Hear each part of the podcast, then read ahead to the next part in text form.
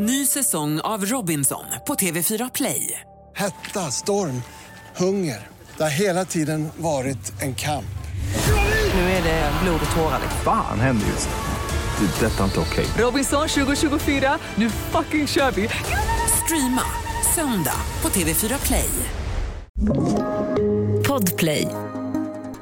Live från Stockholm och eh, Sevilla, är det där du är John? Ja, det stämmer. Där är The Daily Messiah, ditt nyhetsflöde med mig Messiah Hallberg. Klara Doktorow. John Wilander Lambrell. Spännande ändå att få direkt från Spanien. Känner du att du har tillfört någonting till din, eh, din jobbprocess? Kan du få andra infallsvinklar? Liksom, det är ju spännande nu med Sverigebilden efter valet. Många har ju hävdat att den, har den är förändrad i, i grundvalan, att man får en helt annan blick nu utifrån eh, hur Europa ser på oss. Är det någonting som du kan eh, dela med dig av där ute från Spanien? Nej men det som är den stora grejen är att jag har ett spanskt fall i krimmorgon.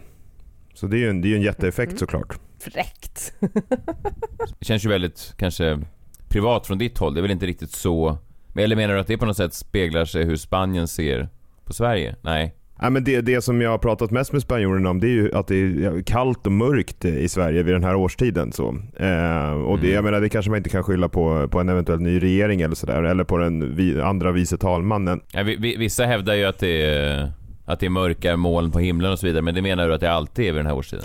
Ja, alltså det beror ju på om man menar att de mörka molnen kom med evolutionen eller om det var någon, någon kreationism i det. Det, det. det är väl det som håller på att förändras lite. 1993 kom filmen Måndag hela veckan. Det handlar om en film då där det var just, ja, vill ni gissa? Den heter ju Groundhog Day. Ja, på engelska, men, men det var måndag hela veckan, därav namnet. jo, fast jag tror inte ens att i filmen att det var måndag.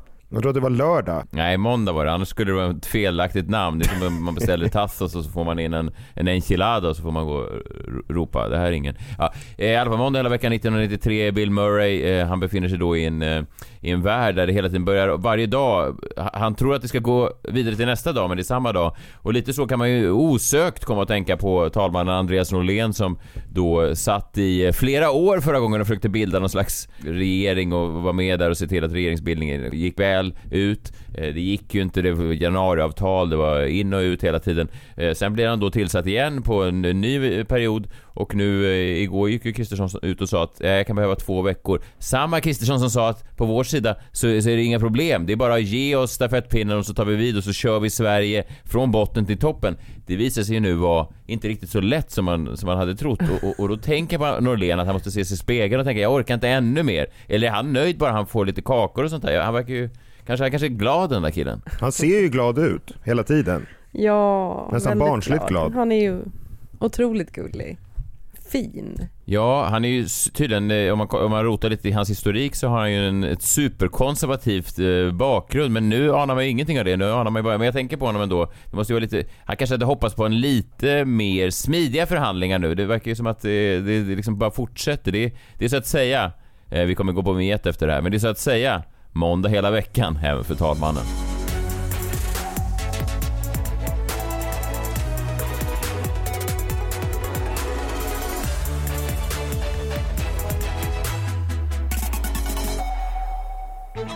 God morgon på er. Eh, det är torsdag i Sverige. Jag antar att det är torsdag även där du befinner dig John i, i Spanien. Igår hade vi en spansk jombola. Idag är den spanska jombolan, eh, ja den visas inte on display. Det blir istället en spansk krimmorgon lite längre fram och så pratar vi ju här om om Andreas Norlén och, och Kristersson och att det, det skjuts upp hela tiden. Eh, har ni några andra tankar från den här första veckan med eh, ja, en stundande ny regering? Precis, riksdagens öppnande var ju intressant. Jag eh, kom över en bild på Instagram, jag följer ju partiledarna och då såg jag att de ganska duktigt postade bilder då från någon slags ceremoni då när riksdagen ska öppnas.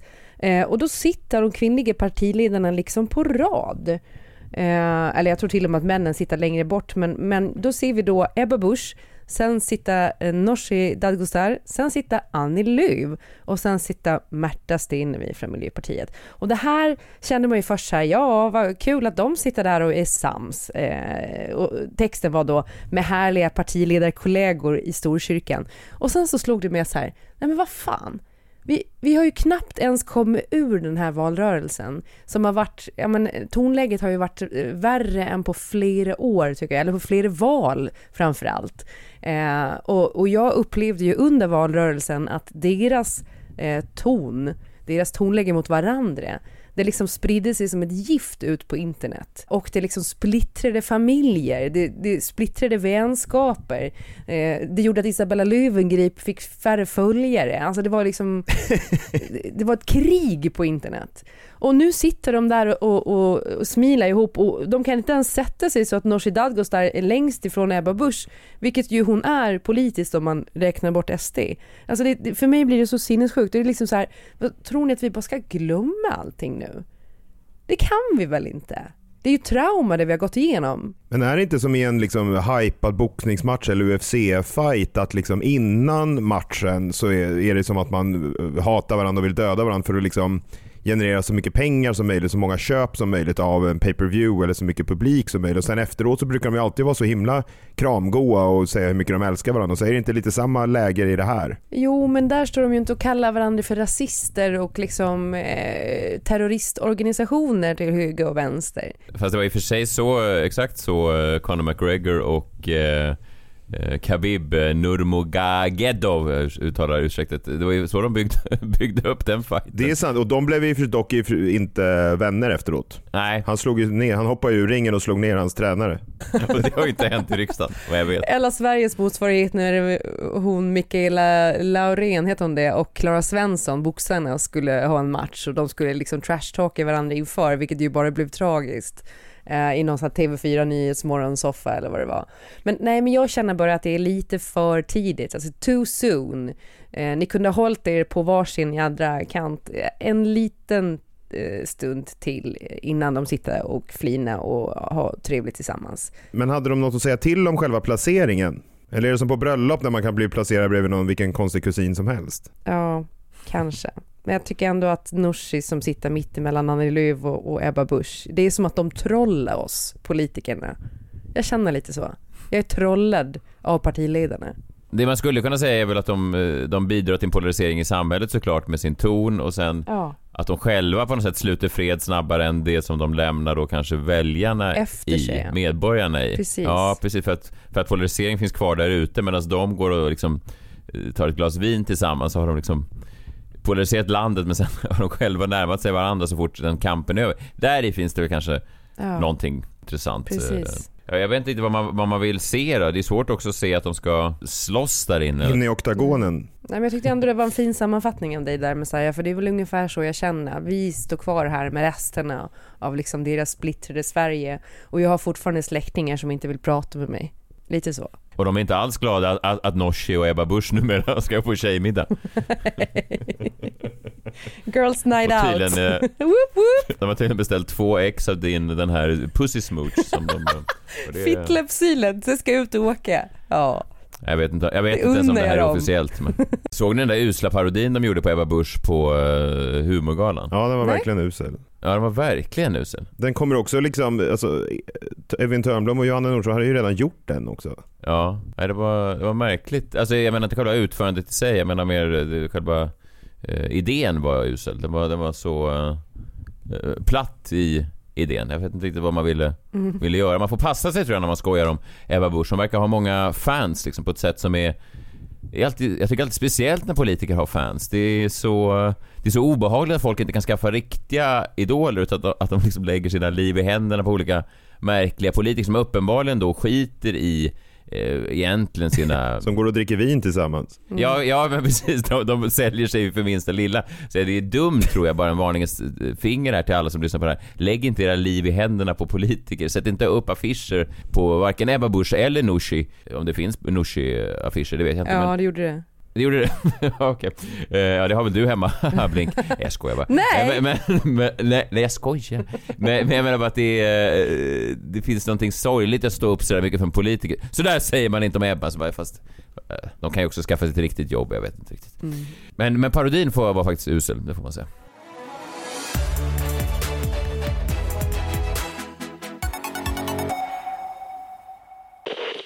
Ny säsong av Robinson på TV4 Play. Hetta, storm hunger. Det har hela tiden varit en kamp. Nu är det blod och tårar. Fan händer just det. Det är detta inte okej. Robinson 2024, nu fucking kör vi! Streama söndag på TV4 Play. Ett poddtips från Podplay. I podden Något Kaiko garanterar östgötarna Brutti och jag, Davva, dig en stor dos skratt. Där följer jag pladask för köttätandet igen. Man är lite som en jävla vampyr. Man har fått lite blodsmak och då måste man ha mer. Udda spaningar, fängslande anekdoter och en och annan arg rant. Jag måste ha mitt kaffe på morgonen för annars är jag ingen trevlig människa. Då är du ingen trevlig människa, punkt. Något Kaiko, hör du på Podplay. Därför är gardinerna.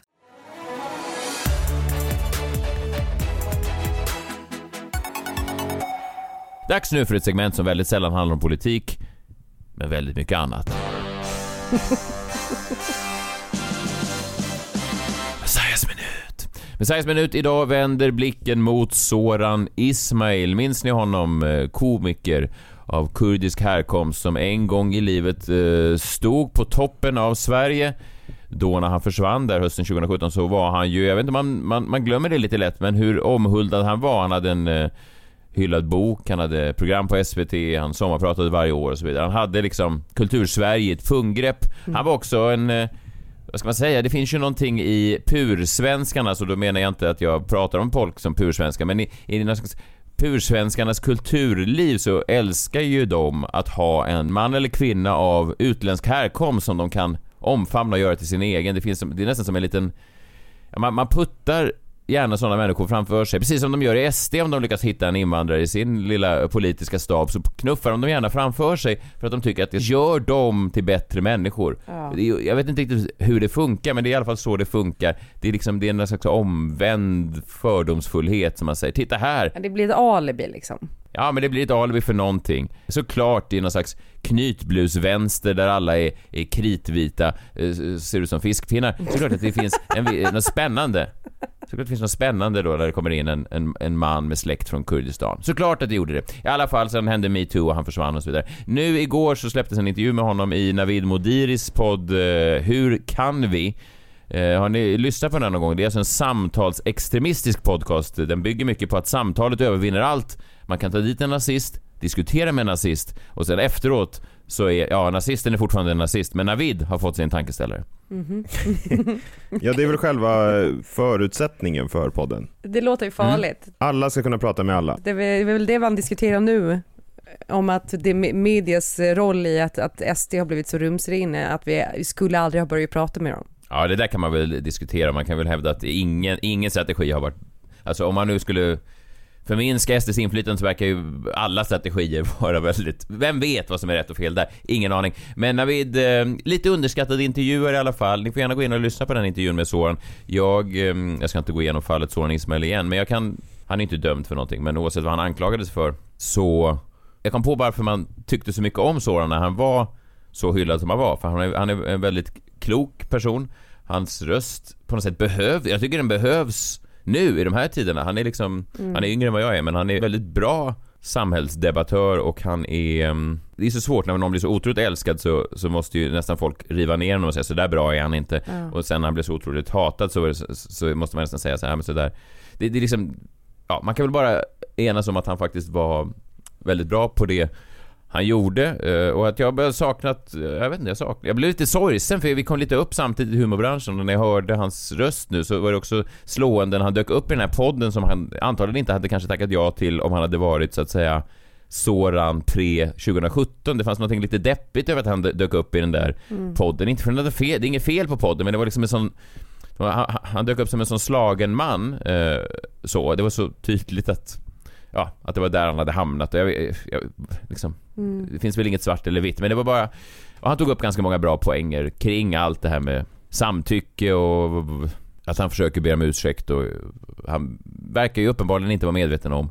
Alltså om han har gjort folk illa så var han vad han säger i alla fall inte medveten om det. Så jag, jag, jag, jag väljer att inte lägga för mycket värdering i, i allt det där. Men också sorgligt att höra honom prata om att vissa människor gör brott och får komma tillbaka och han då som Ja, inte, döm, så. inte är dömd för någonting då är levt, till, eller liksom dömd till, till ett liv i någon slags evig paria och, och kanske inte att man kräver att han ska få du vet, egna tv-program, men det är ju även vänner då som han hade som vägrar ens eh, beblanda sig med honom eller synas med honom just för att de är rädda. För att han är då bedömd som en person som man, det finns liksom ingen väg ut för honom, det finns ingenting han kan göra för att göra det då han eventuellt har gjort ogjort. Det finns liksom ingen förlåtelse i sikte och, och heller inte då gamla vänner. Jag vet, det säger någonting om gamla vänner också tycker Ja. jag som, som bara kapar banden sådär direkt och nästan skapar egen vinning. Alltså för egen vinnings skull, jag vet inte vad, ja. Det säger någonting om de vännerna kan jag tycka. Strunt samma, jag ska inte, nu pratar jag mycket, nu, nu jag låta som Navid Modiri. För det jag ska komma till i slutändan, det är att han ibland, jag har rankat här några ögonblick, där Navid nästan går ut själv på någon slags han gillar att prata, det gör jag också, det är inget fel med det. Men han gillar att prata och ibland glömmer han liksom bort gästen. Jag har tre höjdpunkter när eh, Navid Modiri glömmer bort gästen i sin egen podcast där han ska intervjua gästen. Eh, men eh, om vi ska avsluta då själva Sorans del så sammanfattar Soran sitt levande där innan 2017 eh, så här. det som var skönt efter det och i samband med det var att jag liksom kunde ta ansvar för vad jag har gjort och inte vad jag inte har gjort. Och det jag har och hade gjort var att jag hade levt, eh, ja, jag var en slampa. Jag var pervers och slampig. Det här var Soran om sitt liv. Hur hamnade han? Hamnade han levde perverst och slampigt och han hade dålig... Ja, han var dålig på, på mycket i den där världen som han förlorade sig i. Men under hela intervjun så är Navid ganska förstående för Soran, det får man säga. Man kan säga att Navid sammanfattar hela eh, mötet med Soran så här. Han tycker liksom att eh, Soran har inte så mycket mer att be om ursäkt eh, för. Jag vet ju ingen som har bett så mycket om ursäkt som du har gjort. Ingen har någonsin bett lika mycket om ursäkt som Soran. Eh, det vet jag inte hur man tar fram statistik på det, men, men det... Justin Bieber kanske? Ja, ja, men det är intervjun. Gå gärna in och lyssna på den. Det är ett fint samtal eh, faktiskt. Okej, topp tre eh, tillfällen under intervjun med Soran Ismail som Navid Modiri försvinner in i någonting annat och börjar prata om någonting som nästan snarare låter som någonting som Navid Modiri kanske själv har issues med. Vad vet jag? Men det är i alla fall eh, långa haranger som man undrar lite vart de är på väg. Eh, plats eh, ett. Navid pratar om religionens betydelse. Tidigare har ju religionen försökt hitta protokoll för det där. Jo, men jag har, eh, eh, eh jag har eh, som, eh, tafsat på, på, på mitt får här hemma på gården och så går jag till min präst och så får jag så här, ah, fader, jag har, jag har syndat igen. Eh, det där som ullet är oemotståndligt. Ja, Okej, men 20 av Maria och så eh, hjälp din granne bygga en lada och så är du, är du klar sen. Mm. Så, det Vad är det för jävla liknelse? ja, men det var så som det var förr, den här religionen. Ja, men... Oemotståndligt ullet. Jag tror att det var ett skojigt exempel, men det var i alla fall religionens betydelse. Men, men det blir alltid intressant i en samtalspodd när en liksom sitter och spinner iväg och man tänker att gästen sitter och tittar så här, jaha, vad har det här med mig att göra? Det finns, det finns en sånt. Okej, här är en annan grej när man misstänker att eh, Navid eh, kanske har en viss eh, böjelse. Jag vet inte. Han tycker i alla fall att Soran ska inte be om ursäkt för om han har några eventuella kinks. Det tänker jag är en annan sak än att vara promiskuös eller ha fetischer eller Det kinks. håller jag med om. För Men det tycker jag inte det är någonting som, som, som, som ska liksom varken hos dig eller någon annan ska skammas utan det ska ju snarare så här okej hur kan jag bejaka mina kinks eller mina fetischer på ett sätt som är som är som bra för, för mig och för den andra. Där finns ju, fan, det finns ju hur mycket som helst att, att, att lära sig i, i, i, i området. Men du vet, allt från BDSM till kinks eller sådär. att Okej, eh, hur är vi överens och hur kommunicerar vi? Hur lyssnar jag in? Vad går mina gränser? Vad går den andra personens gränser? Så Mycket prat om BDSM utan att Soran hade pratat om BDSM. Det är som att han outar Sorens fetischer här. Ja. Ja, eller någon annans i rummet. Jag vet inte. Eh, sen pratar Navid om det här med ja, sexuella möten överhuvudtaget. Det här är nästan en minut och återigen, det här är liksom... Man ska säga att det är inte en fortsättning på Sorans prat, utan det är bara intervjuaren som får lite feeling. Och sen, sen finns det ju någonting också att säga om, jag menar sexualbrottsfall är ju väldigt speciella eh, av, av många anledningar. Dels för att det, det ofta är, det är två personer ensamma i ett rum. Eh, finns inga vittnen i rummet. Det kan finnas vittnen innan och efter, men i rummet finns det oftast ingen förutom de här två. Om det inte är 50 Cent då, för han har ju kameror i sitt sovrum och eh, har löst det på det sättet. Men vanligtvis, två personer i ett rum, eh, inte helt sällan alkohol eller andra berusningsmedel inblandat, ofta ganska sent, kanske mörkt. Eh, kanske man har gått hem med någon som man inte känner eller känner sig trygg Eh, vadå, det var som att ja. någon skulle ha eh, eh, våldtagit en annan för att det var mörkt, eller? ja. Ja, ja jag, jag, jag vet inte, men det är i alla fall... Eh, man får passa sig ibland när man intervjuar folk för det är ibland eh, ganska lätt att läsa mellan raderna. Ibland är det lite som i slutet på The Jinx när han Robert Durst satt själv på toaletten när han fortfarande var myggad och han råkar erkänna ett mord. Det är bara eh, väldigt lätt tror jag att man inte tänker på det och så slinker det ut saker när man minst anar det. Men, men intervjun i sig är bra.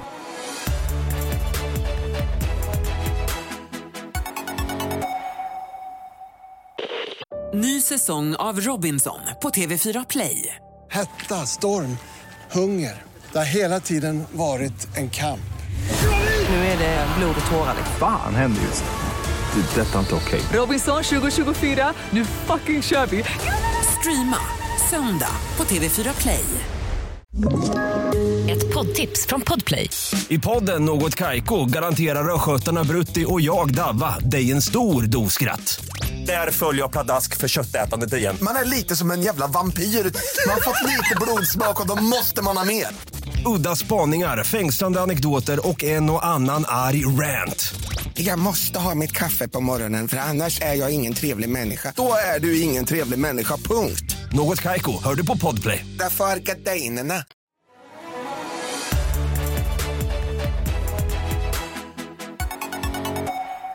Men alltså jag tänker väldigt mycket på det här med Soran för jag jobbade ihop med Soran, eh, jag, jag flyttade till Stockholm, vi jobbade på Tusen apor båda två.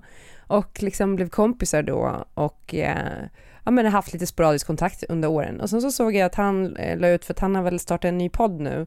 Eh, och så kände jag bara så här, fan det här vill, det vill jag like, vad kul att han är tillbaka och liksom gör någon, någonting om han känner att det är det han vill göra.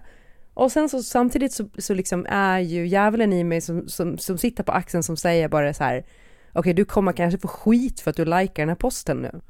Och så tänker man bara så här, fast jag vill inte vara en del av ett samhälle där jag inte kan få tycka att en kompis gör någonting bra med sitt liv. Eh, jag har varit på botten och kanske har liksom eh, eh gjort misstag eh, och så vidare och inte få en möjlighet att komma tillbaka. Alltså jag vill inte vara en del av det samhället. Så det blev också så här lika delar, okej okay, jag likar det här för att jag är glad på riktigt för hans skull men också för att visa att så här, fan det är dags att liksom gå vidare nu. Den här beröringsskräcken är ju eh, obehaglig tycker jag. Att man som kompis inte får ge stöd bara för att eh, ens kompis då eh, kanske har gjort någonting dumt och framförallt när det är så sexualbrott och liknande. Jag menar, de behöver ju också sina vänner liksom. Alla bekanta. Ja, fram, fram, framförallt också att den där beröringsskräcken är så... Eh, att det är sån enorm skillnad på det liksom. Alltså det är ingen som skulle få skit egentligen för att ta en, en selfie med, med Persbrandt eh, trots att man skulle kunna, ja det finns ju case för varför det kanske inte skulle vara optimalt eller, Mm. eller jag vet inte fasen, alltså det finns ju folk som liksom ändå har som är dömda för grejer liksom. Mm. Ehm, det är bara väldigt godtyckligt hur det där funkar och det är väldigt obehagligt att det finns någon slags, ehm, att det kan skifta så och skilja så och att det baserar sig egentligen inte på någon, någon riktig det finns ju inget facit för det där utan det är bara känslan hos vissa människor med lite makt på sociala medier som avgör det där. Det är ju någon slags Ja, det är, väl, det är väl det som är obehagligt och sen så är folk såklart övertygade om att man själv aldrig skulle hamna där och aldrig stötas ut av flocken men det är ju inte riktigt så det funkar. Det är ju inte, faktiskt inte bara eh, folk som är dömda för brott som kan stötas ut ur flocken utan det där kan ju uppenbarligen slå lite hur som helst. Men, eh, ja, men jag rekommenderar i alla fall intervjun. Den är, den är, den är, den är intressant. Nu tänkte jag vända mig till Spanien. Jan, är du vaken? På tal om brott. Ja, precis. På tal om brott, eh, dags för en spansk krimmorgon. Krimmorgon. Ja, det här är ju då ett av Spaniens mest omdiskuterade fall får man nog säga och det fyller 30 år den här hösten. Det kallas för The Alcácer Murders eller då Crimen de Alcácer. Och det handlar om morden på Miriam Garcia Iborra, Antonia Gomez Rodriguez och Desiree Hernández Folch. De var alla mellan 14 och 15 år gamla då, den 13 november 1992, när de skulle åka till ett diskotek utanför sin hemstad Alcácer, en förort till Valencia då på östkusten här i Spanien. Ja, grejen var ju då att de skulle få skjuts av en av deras pappor till det här diskoteket, men han blev sjuk så de bestämde sig för att lifta. Eh, ett ungt par plockade upp de här tjejerna och sa senare då att de släppte av dem vid en bensinstation nära diskoteket. Strax därefter säger ett vittne, eh, som är en, en boende i det här området, att han såg de tre tjejerna kliva in i en vit bil, en Opel Corsa tillsammans med en grupp män. Och Det var det sista någon såg av de här tre tjejerna levande. Eh, har ni hört talas om det här fallet? Nej, det låter inte alls bekant. Det har kommit en Netflix-dokumentär om det här om året. ja, okej. Men det- Var det någonting med en madrass? Ja, det, det är känt för andra grejer än en madrass eh, i alla fall. Men i alla fall, eh, de anmäldes saknade samma kväll och en omfattande sökinsats inleddes eh, direkt. Men det skulle dröja 75 dagar tills deras kroppar hittades den 27 januari 1993. De hittades i ett dike eh, nära en ravin som kallas för La Romana. Eh, det hade fallit ett kraftigt regn dagarna innan som har gjort att mycket jord hade liksom försvunnit och att de här kropparna som hade legat nedgrävda stuckit upp ur marken då väldigt otäckt alltihop. Rättsläkarna konstaterade då att alla de här tre hade blivit torterade och mördade. Man hittade bland annat sju hårstrån på kropparna med sju olika DNA-profiler som inte tillhörde de här tjejerna då. På brottsplatsen hittade man också en papperslapp med ett namn på och det här kom liksom att styra hela utredningen för på den här papperslappen så stod namnet Enrique Angleth. Och eh, man började ju såklart, om man hittar en papperslapp med ett namn på bredvid en mördad kropp så är det liksom det är inte så dumt tänkt att börja där så att säga. Nej. Efter att ha börjat utreda eh, det här namnet då, så landade man i två misstänkta. Det var då Enriques bror, Enrique var ju det här namnet på lappen, Enriques bror Antonio Angles och en man vid namn Miguel Ricard. Och den här Antonio Angles han flydde så fort han fick veta att han var huvudmisstänkt och han har aldrig hittats sedan dess. Eh, Miguel Ricard däremot, hans kompis, greps. Den här Miguel hade en vit bil och vid förhör så erkände han delvis att han hade medverkat i de här morden. Eh, Men att han gjort det under ledning av den här Antonio Angles, han som flytt. Och tillsammans med en annan man som han inte ville namnge. Men som så många gånger förr i de här fallen som liksom jag pratar om så fanns det ingen teknisk bevisning vid den tidpunkten. Varken de här DNA-profilerna eller fibrer som man hittat på kropparna matchade med den här Miguel. Men enligt polisen så kände den här Ricard till detaljer som bara gärningsmannen kunde veta. Den här Miguel Ricard han ändrade dock sin historia många gånger och senare menar han på att han blivit pressad av poliser att erkänna och att han egentligen var oskyldig. Men eh, det hjälpte föga då. Han dömdes i rättegången. Han fick 170 år i fängelse. Om man inte är så insatt i fängelsedomar och sånt så kan jag säga att 170 år är ganska lång tid. Ja, det låter så. Jag är inte alls eh, juridiskt skolad, men det är ju ja, superlångt. Ja, men det, är, det, är en, det är en lång tid liksom, att, se, att, att sitta av. Jag menar, det, det, det dröjer innan man kommer ut. Nästan en... Eh, det är nästan livstid. Ja, nästan två eh, livstider. Men eftersom man enligt spansk lag, eh, här får ni eh, vara med då, men enligt spansk lag får man inte sitta längre än 30 år i fängelse. Eh, Så han insåg ju att han kommer att bli släppt så småningom och det här går ju inte riktigt ihop då. Alltså varför ge honom 170 år om han enligt samma lag inte får sitta längre än 30 år? Alltså vem kunde ana att det spanska rättssystemet var så svajigt? Ja. inte jag i alla fall. Jag trodde det var solitt. Inte jag heller. Jag är väldigt, eh, väldigt fördomsfri. Visst blir man chockad alltså när man hör att Jag tror att du, även att jurygrupperna och domarna alltid kommer prick i tid.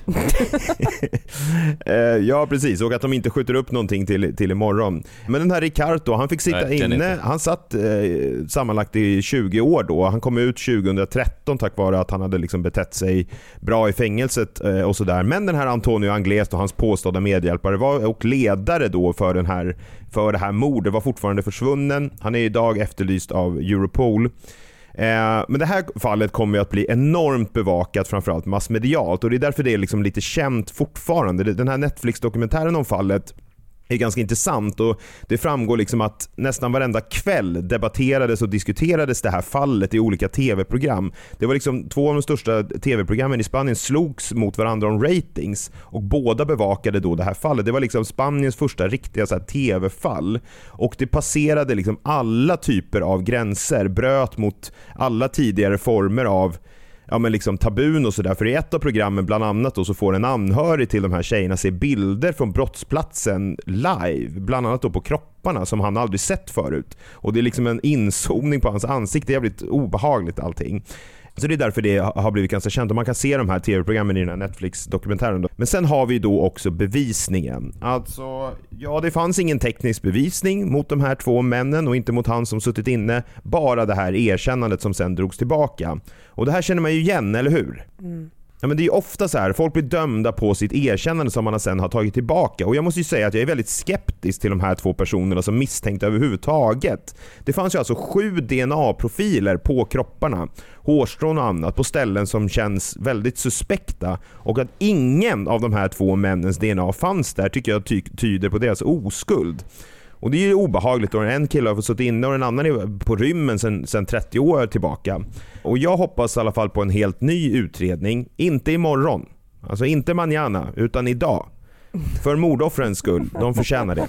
Verkligen. Det jag tycker alltid det där när, man, när det dyker upp um, krimfall. Netflix är ganska bra på att uppmärksamma uh, fall från hela världen. Det var något israeliskt fall jag såg för någon dokumentär om också. Det, det, det slår ju en hur uh, anglofil eller hur uh, Ja, alltså hur man är centrerad på antingen Sverige då eller engelskspråkiga länder. Att, Mm. att det känns sådär exotiskt när man tar del av en dokumentär från ett annat land fortfarande, vilket, vilket är märkligt men det är... Det där israeliska fallet är också otroligt. Det måste vi prata om någon gång. Det är bra John att du, eh, precis som Navid Modiri då försöker förbättra samhället, eh, du visar på att det finns hemskheter runt om hela eh, världen. Det, är- det är fint av dig. Ja, vad bra. Och nästa vecka så blir det faktiskt ett fall härifrån Sevilla. Eh, Sevillas mest uppmärksammade fall, eh, i alla fall den senaste tiden. Och jag är mitt uppe i min egen utredning här och tänkte väl berätta vad jag kom fram till. Går det att liksom få ihop eh, då tids, alltså all din spaning med öppettiderna på tapasrestaurangen och så vidare? Finns det... Korrelerar de eller krockar det eller hur? Försök inte vara lustig över min, mina utredningar. Nej, nej, nej. nej. Om spanjorerna här nere bara hade utrett de här brotten ordentligt så hade ju jag sluppit det. Ja, det är sant. Gör det pro bono också. Jag får betalt i tortilla de patatas. Det är så himla, himla gott. Vi eh, hörs imorgon, då är det fredag. Eh, ta hand om er. Eh, ja, gå och lägg dig igen John, det är ju fan tidigt här i, i Spanien förstår jag. Vi hörs imorgon, eh, ta hand om er. Hej! Hej! Buenas noches.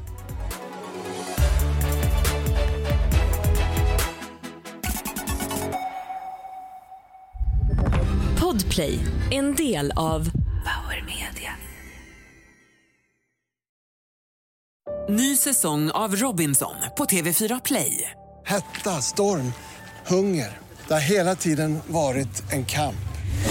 Nu är det blod och tårar. liksom. Fan händer just nu. Det. är Detta är inte okej. Robinson 2024, nu fucking kör vi! Streama söndag på TV4 Play.